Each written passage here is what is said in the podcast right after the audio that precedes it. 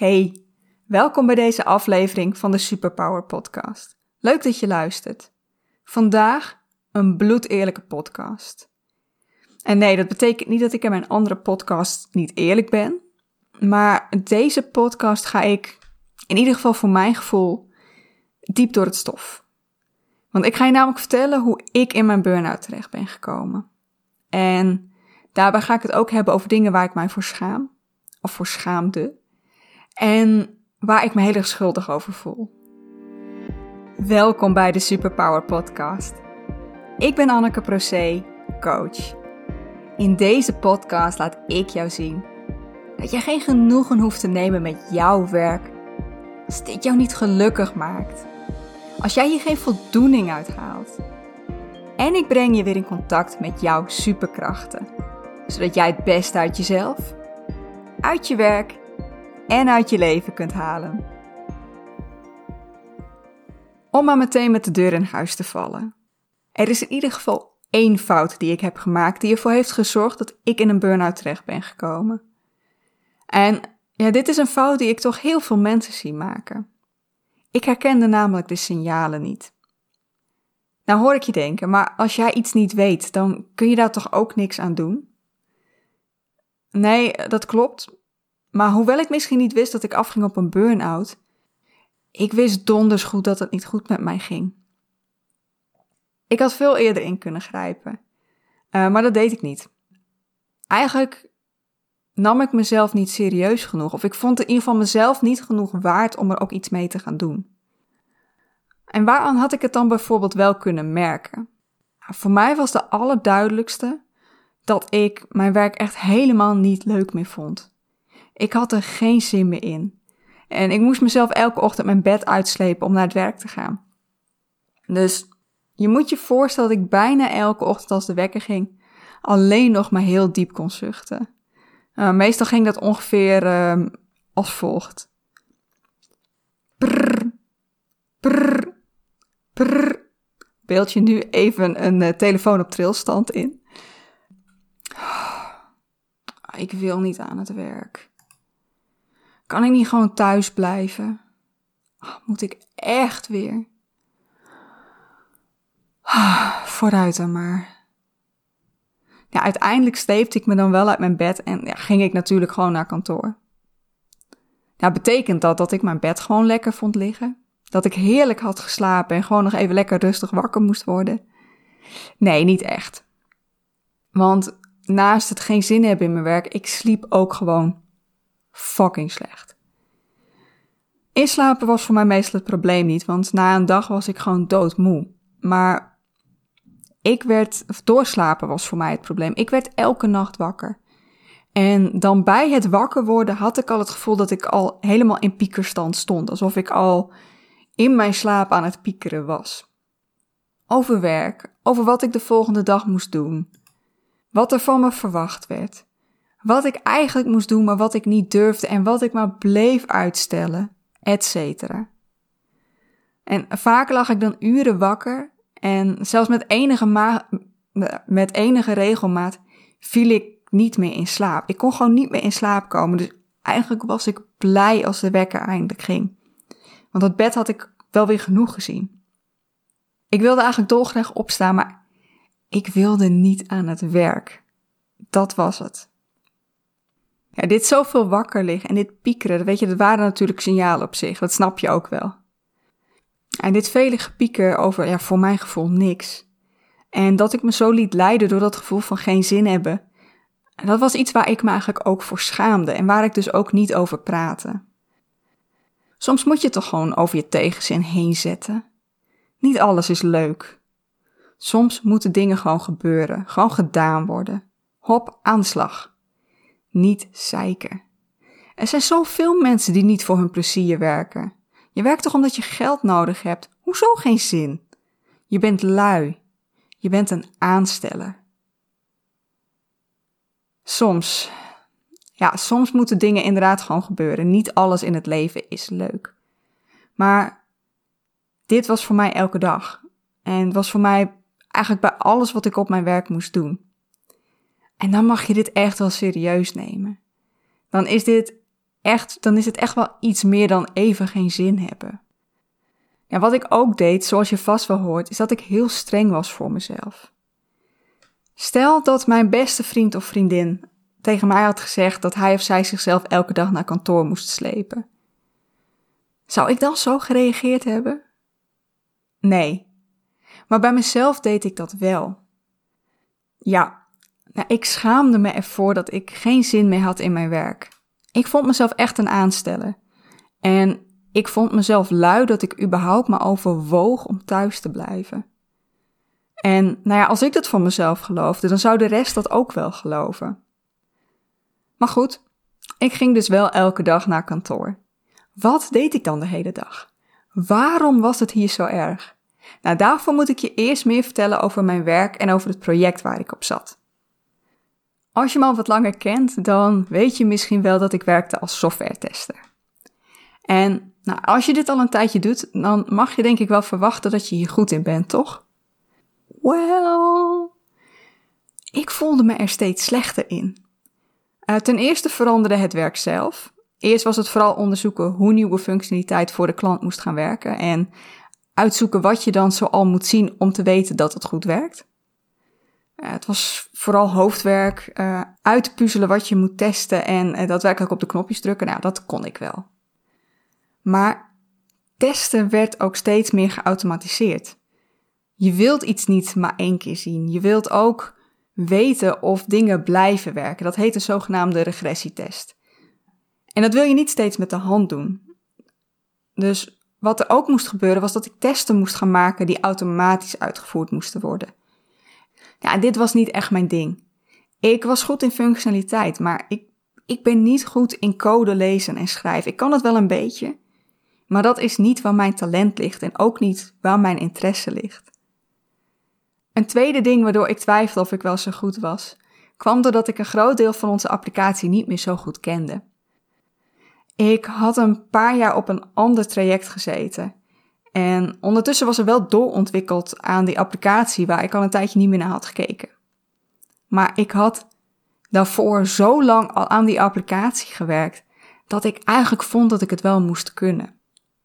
Ik voelde me ondertussen behoorlijk onbekwaam en dat gaf me geen goed gevoel over mijn werk en ook niet over mezelf. Daarbij kwam dat we in een hele hectische periode van het project zaten. We waren de deadline al ruim voorbij en we werden dan ook opgeroepen om ja, zo hard mogelijk te werken en als het een beetje kon ook werk van anderen op te pakken. Dus, hoe ging dat dan voor mij? Eigenlijk was er voor mij niet zoveel te testen. Er moest heel veel uitgezocht worden en dat was heel ingewikkeld. Er moest heel veel ontwikkeld worden en dat was heel ingewikkeld. Maar als het uiteindelijk bij mij kwam voor test, was vrij makkelijk te zien of iets werkte of niet. Dus voor mij was het vrij weinig te doen. Lekker rustig zou je denken. Maar dat was het niet. Dat was het alles behalve, want ik voelde een enorme verplichting om te vragen of ik ergens anders bij kon springen. En ik had het gevoel dat ik mijn eigen werk al niet meer kon. En dat ik dus helemaal niet ergens anders bij kon springen. Dat ik dat, dat, dat gewoon niet ging lukken. Dus daar zat ik. Met een enorm schuldgevoel. Want het kwam er eigenlijk op neer dat ik het gros van de dag probeerde heel erg bezig te lijken, terwijl ik niks zat te doen. En dit, dit is iets waar ik me eigenlijk nog steeds voor schaam en me nog steeds schuldig over voel. Want ja, ik wil niet lui overkomen en ik voel me ook niet lui. Maar op dat moment voelde ik me heel erg lui die spanning die dat met zich meebracht, ja, dat was, was alleen maar meer stress voor mij. Achteraf gezien, en dat is makkelijk praten, was ik toen eigenlijk al doodmoe. En ik had geen energie meer om me echt te kunnen concentreren. Achteraf gezien denk ik dat ik het misschien allemaal veel makkelijker nog had gevonden en wel het gevoel hebben gehad dat ik mijn werk kon. Als ik me wel had kunnen concentreren, als ik nog wel de energie had om mij daartoe te kunnen zetten. Maar ik had dat helemaal niet door. En nou ja, ik heb het al een paar keer genoemd. Ik voelde me vooral dom en lui. En niet kunnen concentreren was, ja, was nog zo'n signaal wat ik niet herkende. Geen zin. slecht slapen, niet kunnen concentreren. Ja, dat waren denk ik voor mij wel de belangrijkste signalen die ik over het hoofd heb gezien. En natuurlijk was dit niet alles. Nou, voordat je denkt dat ik altijd de sportiefste was, nee, absoluut niet. Zo ben ik helemaal niet opgevoed. als kind sportte ik eigenlijk helemaal niet. Maar de jaren voor mijn burn-out had ik wel heel fanatiek gesport. Ik ging drie keer in de week naar de sportschool voor krachttraining. En uh, ik fietste nog ongeveer drie keer in de week ook iets van 30 kilometer.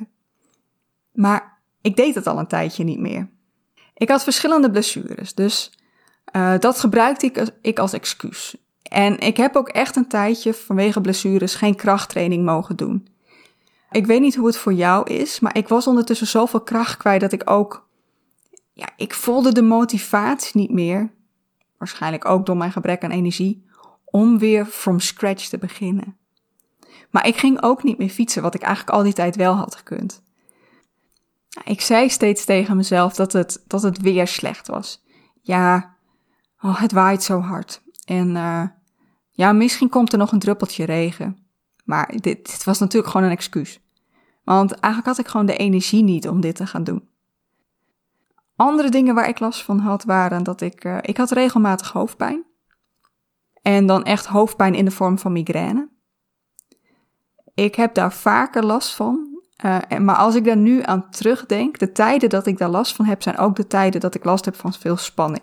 Dus voor de volgende keer zal dit een heel goed signaal voor mij zijn. Um, schouders en nek die continu vastzaten. Want wat je doet als je spanning hebt in je lichaam, dan span je je schouders aan.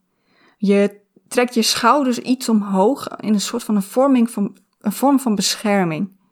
Dus, uh, je let er bij jezelf ook maar eens op wat je doet als je even je gespannen voelt. Heb jij dan ook dat je je schouders iets, iets aanspant? Ik had eigenlijk nergens meer zin in. En ook niet in die dingen die ik anders wel leuk vond. Uh, normaal bleef ik na mijn werk bijvoorbeeld nog wel eens zitten voor de vrijdagmiddagborrel. Maar ik wilde dat gewoon niet meer. Eigenlijk was het voor mij, ik wilde zo weinig mogelijk tijd op kantoor doorbrengen. En aan het eind van een werkdag en zeker aan het eind van een werkweek had ik mijn collega's wel genoeg gezien. Konden zij niks aan doen, het waren hele aardige mensen. Maar ik kon het gewoon zelf niet meer. Ik moest daar weg. Maar het gaat ook gewoon om dingen in mijn vrije tijd. Ik had geen zin meer om uh, op uitjes te gaan of gewoon leuke dingen te gaan doen. Ja, ik had eerlijkheid beloofd. En er is dan ook nog een onderwerp waar we, waar we met z'n allen niet zo graag over praten, maar ik ga hem toch aansnijden. Ik had enorme buikpijn. Vriendelijk gezegd, ik kon gewoon niet meer naar de wc. Hoeveel vezels ik ook in mijn lichaam propte. Want alle stress had mijn vertering volledig stilgelegd. En waarom vertel ik je dit? Want ik kan me heel goed voorstellen dat je nu denkt: too much information. Maar ik vertel het je wel met een reden, want stress heeft gewoon een enorme impact op ons lichaam en ook op onze vertering. Dus als jij hier veranderingen in merkt bij jezelf, dan kan dit voor jou ook heel goed een signaal zijn. Nou, dit is wat er bij mij allemaal speelde voor mijn burn-out. Mijn lichaam vertelde me eigenlijk al heel lang dat het slecht ging. Maar ik zag het niet. Of ik wilde het niet zien. En uiteindelijk kwam voor mij de burn-out nog heel plotseling. Voor mijn gevoel eigenlijk van het een op het andere moment. Maar als ik nu zou samenvatten waar ik het allemaal aan had kunnen zien, dan kom ik op een enorm gevoel van tegenzin. Niet kunnen slapen. Niet kunnen stoppen met piekeren. Geen concentratievermogen. Niet meer sporten. Geen zin meer in leuke dingen. Geen zin meer om met mensen rond te hangen. Ik wilde eigenlijk alleen nog maar alleen zijn. En ik denk dat ik ook niet zo'n leuke vriendin was voor mijn vriend op dat moment. Heel veel spanning in mijn schouders en in mijn nek. Hoofdpijn. Buikpijn en eigenlijk dus gewoon verstopping. En hoewel ik er niet vaak aan toe gaf, ik voelde me eigenlijk ook wel vaker ziek. Want dat is nog een signaal wat je kunt hebben. Dat je lichaam gewoon echt ja, je weerstand is gewoon lager. Nogmaals, ik nam het niet serieus. Maar herken jij dit wel? Weet je, trek dan aan de bel op je werk bij je manager, bij je team, bij HR, waar je voor je gevoel ook maar terecht kunt. Lukt dit niet op je werk? Uh, ga dan naar de huisarts. Geen zin is misschien niet iets waar je huisarts iets mee kan, maar niet kunnen slapen, niet kunnen concentreren, spanning, hoofdpijn, vermoeidheid, zeker wel. En wil je niet meteen aan de bel trekken? Zoek dan iemand op die jij vertrouwt.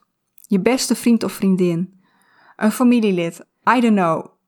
Maar je hart luchten en iemand die met je mee kan denken helpt al enorm. Ik deed dat niet vanuit schaamte, vanuit schuldgevoel. Want ik was bang dat mensen mij inderdaad in mijn gezicht zouden vertellen: stel je niet zo aan, ga gewoon aan het werk. En doordat ik dit niet deelde, betekent dat ook dat ik me gigantisch alleen heb gevoeld. En dat is niet nodig. En dat je je zo voelt, is niet iets waar je voor hoeft te schamen en wat je weg moet drukken. Want het helpt niet om je gevoelens en je emoties weg te drukken. En je bent het waard om goed in je vel te zitten en te genieten van je leven. Een podcast afsluiten voelt altijd zo raar. En ik zeg nu nog extra, want het voelt alsof ik van het ene op het andere moment zeg: Oh, dit is het einde. Maar ik ga het toch doen. Ik hoop dat je iets aan mijn verhaal hebt. En dat je, als je nu dingen herkent, ook echt na gaat denken wat je zelf kunt doen om die burn-out te voorkomen. In een volgende aflevering ga ik nog in op, en ik weet nog niet wanneer die aflevering gaat komen, dus uh, bear with me. Maar ga ik nog in op waarom ik me zo liet tegenhouden. Ik heb nu al een paar dingetjes genoemd. En ook nog een aflevering over hoe ik mijn burn-out heb ervaren. Dat is het voor nu. Tot de volgende keer.